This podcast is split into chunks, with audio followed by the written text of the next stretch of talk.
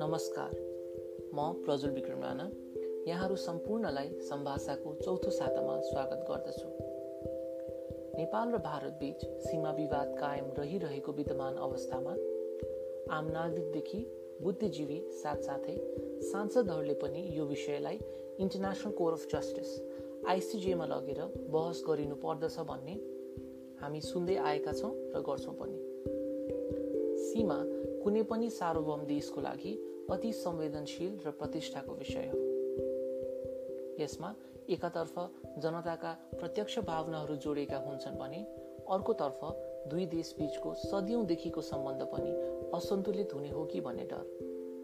तर पनि मुख्य कुरा कुनै पनि स्वतन्त्र देशको सीमामा धावा बोल्नु किमार्थ स्वीकार्य हुँदैन। यसै सन्दर्भमा म प्रस्तोता प्रज्वल विक्रम राणा आफूले अन्तर्राष्ट्रिय कानुन र आइसिजिएको बारेमा पढी जानेको कुराको आधारमा आज म यहाँहरू समक्ष आइसिजिएको क्षेत्राधिकार र नेपाल भारत सीमा विवादमा अन्तर्राष्ट्रिय अदालतको सम्भाव्य भूमिकाबारे चर्चा गर्नेछु। सर्वप्रथम म प्रस्तोता भने यी अहिले विवादमा आएको भूमि नेपालको नै हो भन्ने विचार राख्छु भन्ने कुरा स्पष्ट पार्न चाहन्छु। श्रोतावर्ग आजको विषयवस्तु मुख्यतः तिनवटा आयाममा केन्द्रित हुनेछ। पहिलो आइसिजीको सामान्य जानकारी। दोस्रो आइसिजीको क्षेत्राधिकारको अवधारणा। र तेस्रो आइसिजीको क्षेत्राधिकारको प्रकार। स्मरण रहोस् हरेक आयाममा छलफल गर्दा नेपाल भारत सीमा विवादमा सम्बन्धित क्षेत्राधिकारको प्रयोगको सम्भाव्यतामा केन्द्रित रहेर मैले अन्त्यमा मेरो विचार अनुसार कुन उपाय ठिक हुन्छ तर्क प्रस्तुत गर्नेछु।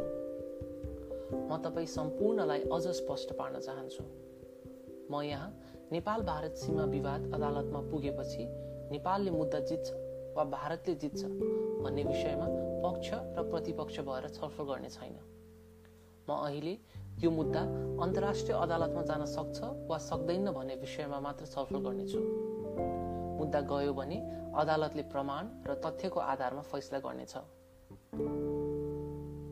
श्रोतावर्ग आजको पोडकास्ट आइसिजेको परिचयबाट सुरु गरौँ। संयुक्त राष्ट्रसङ्घ अर्थात् युनाइटेड नेसनको छवटा मुख्य अङ्गहरू क्रमशः यस प्रकार रहेका छन्। पहिलो जेनरल एसेम्ब्ली महासभा दोस्रो सेक्युरिटी काउन्सिल सुरक्षा परिषद तेस्रो इकोनोमिक एन्ड सोसल काउन्सिल आर्थिक एवं सामाजिक परिषद चौथो इन्टरनेसनल कोर्ट अफ जस्टिस अन्तर्राष्ट्रिय न्यायालय पाँचौँ ट्रस्टीसिप काउन्सिल संयुक्त राष्ट्र जिमा जमानी परिषद र छैटौँ युएन सेक्रेटेरिएट सचिवालय यसमध्ये आइसिजे संयुक्त राष्ट्रसङ्घको प्रमुख न्यायिक अङ्ग हो। यसलाई principal judicial organ of UN पनि भनिन्छ र यो नेदरल्यान्ड्सको दि हेग सहरमा अवस्थित छ। श्रोतावर्ग ICJ Permanent Court of International जस्टिसको उत्तराधिकारी पनि हो जुन लिग अफ नेसन्स अन्तर्गतको अङ्ग थियो। अर्कोतर्फ भने संयुक्त राष्ट्र सङ्घको सदस्य राष्ट्र आइसिजेको स्वत सदस्य हुन्छ। यस अर्थमा नेपाल र भारत दुवै युएन मेम्बर भएकोले स्वत आइसिजे सदस्य बने हुन्। अब भने आउनुहोस् अन्तर्राष्ट्रिय अदालतको विशेषतालाई चारवटा बुदामा सुनौ। पहिलो यस अदालतमा नजिरको सिद्धान्त लागू हुँदैन। यसको अर्थ आइसिजीले दिएको फैसला त्यस मुद्दाको पक्षहरू बाहेक अरू कसैलाई बन्धनकारी हुँदैन। दोस्रो आइसिजीमा पन्ध्रजना न्यायाधीश रहने व्यवस्था छ। र पन्ध्रजना न्यायाधीश नै छुट्टा छुट्टै राष्ट्रको हुनुपर्दछ तेस्रो आइसिजीले राष्ट्रहरू बिचको विवाद मात्र हेर्छ। व्यक्ति स्वयंको पक्ष विपक्षमा आइसिजीमा बहस गरिँदैन। तर सम्बन्धित राष्ट्रले कुनै व्यक्तिको विवादलाई आइसिजेमा लग्यो भने सो विवाद राष्ट्र बीचको विवादको रूपमा हेरिन्छ। र चौथो आइसिजेले संयुक्त राष्ट्र सङ्घको अङ्गहरूले अनुरोध गरेको अवस्थामा अन्तर्राष्ट्रिय कानुनको केही विषयहरूमा आफ्नो राय दिन सक्दछ। यसलाई एडभाइजरी ओपिनियन भनिन्छ। सर्वप्रथम त आइसिजेमा कुनै विवाद बहस गर्न योग्य हुनको लागि आइसिजेको त्यस विवादमा फैसला गर्न क्षेत्राधिकार छ भनी स्थापित गर्नु आवश्यक हुन्छ। जबसम्म आइसिजेको क्षेत्राधिकार स्थापित हुँदैन तबसम्म आइसिजेले विवादको विषयमा केही पनि बोल्दैन। क्षेत्राधिकार स्थापित हुनु भनेको सम्बन्धित विषयमा फैसला गर्न आइसिजेलाई अधिकार छ भन्ने बुझिन्छ।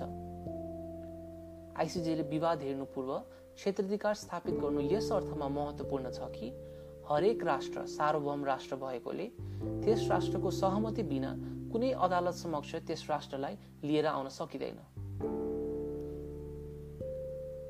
आइसिजिएको क्षेत्राधिकारले राष्ट्रहरूको सार्वभौमिकतालाई आदर गर्दै राष्ट्रको सहमति बमोजिम क्षेत्राधिकार स्थापित भएपछि मात्र विवाद हेर्छ। त्यसैले नेपाल भारत विवादको विषयभित्र आइसिजीमा प्रवेश गराउनु पूर्व आइसिजेको यस विवादमा क्षेत्राधिकार स्थापित गर्नु अपरिहार्य छ। आइसिजेमा मुख्यतः तीन प्रकारको क्षेत्राधिकार स्थापित गर्ने तरिका छन्। पहिलो म्याटर्स प्रोभाइडेड इन ट्रिटिज सन्धिहरूमा प्रदान गरिएको विषयहरू।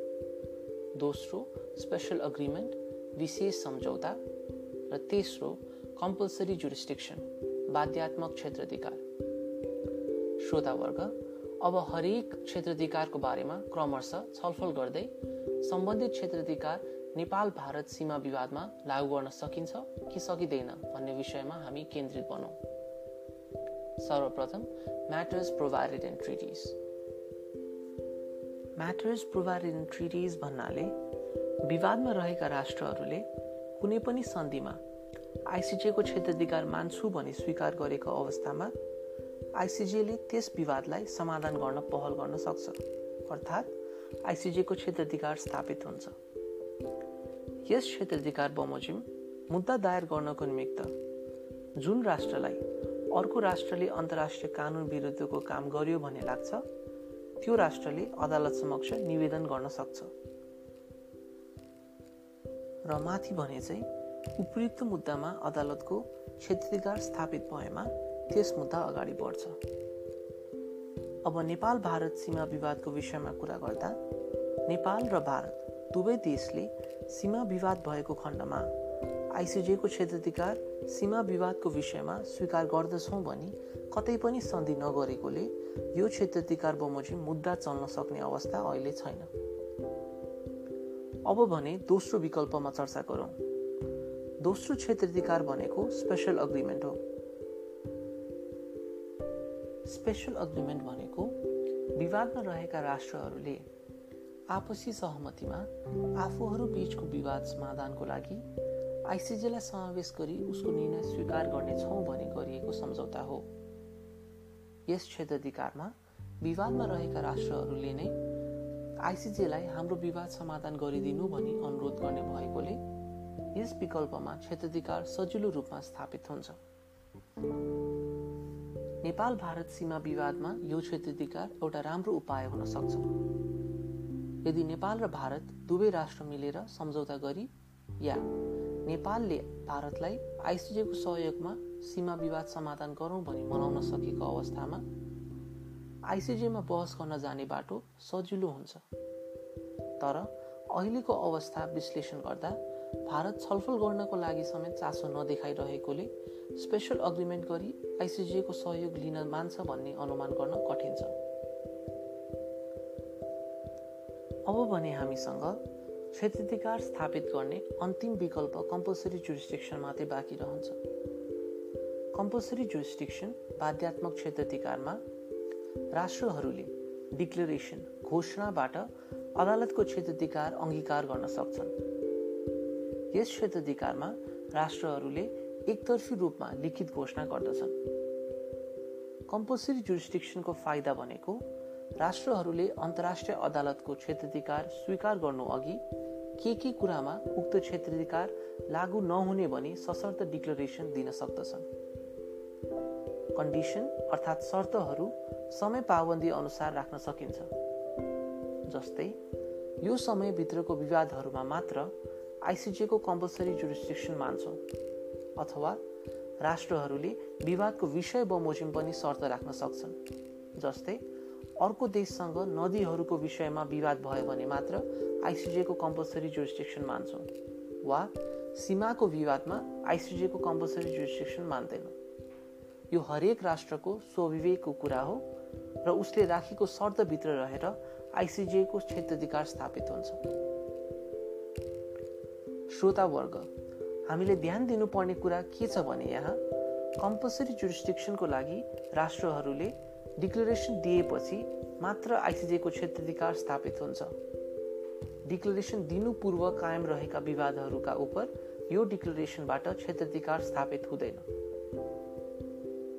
नेपाल भारत सीमा विवादमा यस क्षेत्राधिकारको कुरा गर्दा सर्वप्रथम नेपालले आफै यो क्षेत्राधिकार मानेको छैन।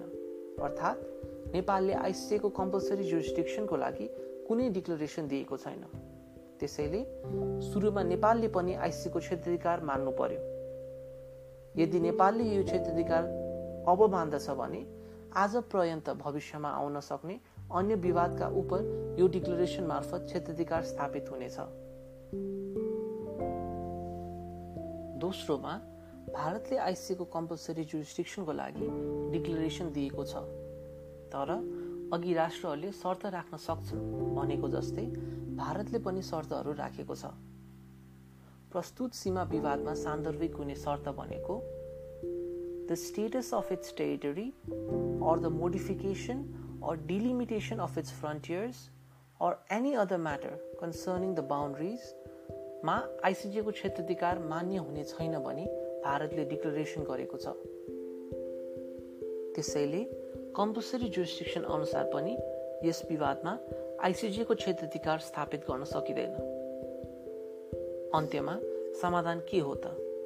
नेपाल भारत सीमा विवादको समाधान के हुन सक्छ? श्रोतावर्ग मेरो विचारमा यसको समाधानको उपाय भनेको कुटनीतिक प्रयास र दुई राष्ट्रबीच हुने निरन्तर एवं सार्थक संवादबाट मात्र सम्भव छ। आइसिजेमा यो सीमा विवाद दर्ता हुने सम्भावना न्यून छ। मैले मेरो प्रस्तुतिमा भनेको जस्तै तिनवटा तरिकाहरू जसबाट आइसिएको क्षेत्राधिकार स्थापित गर्न सकिन्छ ती विकल्पमध्ये म्याटर्स प्रोभाइडेड इन ट्रिटिज लागू हुन सकेन किनभने दुवै राष्ट्रले आफ्नो कुनै पनि सन्धिमा यस्तो विषयमा आइसिसीको क्षेत्राधिकार मान्दछौँ भनी सन्धि अङ्गीकार गरेका छैनन्। स्पेसल अग्रिमेन्टका लागि दुवै राष्ट्रबिच संवाद हुन जरुरी छ र कुटनीतिको यहाँ महत्त्वपूर्ण भूमिका हुन्छ। तर प्र्याक्टिकली अहिलेको अवस्था हेरेर भारत स्पेसल अग्रिमेन्ट गर्न सहमत हुन्छ जस्तो मलाई लाग्दैन। अन्तिम क्षेत्राधिकार कम्पलसरी जुरिस्टिक्सनको लागि सर्वप्रथम नेपालले नै क्षेत्राधिकार मानेको छैन। साथसाथै भारतले कम्पलसरी जुरिस्टिक्सनको डिक्लेरेसनमा सीमा विवादमा आइसिएको क्षेत्राधिकार मान्दिन भनेकोले यो क्षेत्राधिकार अनुसार पनि आइसिएमा नेपाल भारत सीमा विवादले प्रवेश पाउँदैन। दुवै राष्ट्रले आफ्नो मैत्री सम्बन्धलाई अझै प्रगाढ बनाउनको लागि कुटनैतिक प्रयास मार्फत टेबल टक्स गर्दै यस्ता सीमा विवादका समस्यालाई समाधान गर्नुपर्दछ युएन चार्टरको प्रियाम्बलमा उल्लेख गरे अनुसार practice tolerance and live together in peace with one another as good नेबर्सको अवधारणालाई यहाँ सम्झनु सान्दर्भिक रहन्छ। नेपाल र भारतको मित्रता कायम राख्नको लागि दुवै राष्ट्रको सरकार जनता र मिडिया गम्भीर हुनुपर्दछ र चाँडोभन्दा चाँडो यो विवाद समाधान गर्नको लागि आफ्नो ठाउँबाट पहल गर्नुपर्दछ। श्रोतावर्ग यिनै कुरा राख्दै म प्रस्तुता प्रज्वल विक्रम राणा सम्भाषाको यो चौथो साता जहाँ हामीले नेपाल भारत सीमा विवादमा आइसिजेको भूमिकालाई लिएर चर्चा गर्यौँ त्यो भने अब यही टुङ्ग्याउँछु। समसामयिक एवं महत्त्वपूर्ण विषयमा युथ इन फेडरल डिस्कोर्सको पूर्व र अब भविष्यमा सार्वजनिक गरिने पोडकास्ट सुन्नको लागि हामीसँग फेसबुक ट्विटर र युट्युबमा जोडिन सक्नुहुन्छ। यति भन्दै म बिदा माग्न चाहन्छु। धन्यवाद।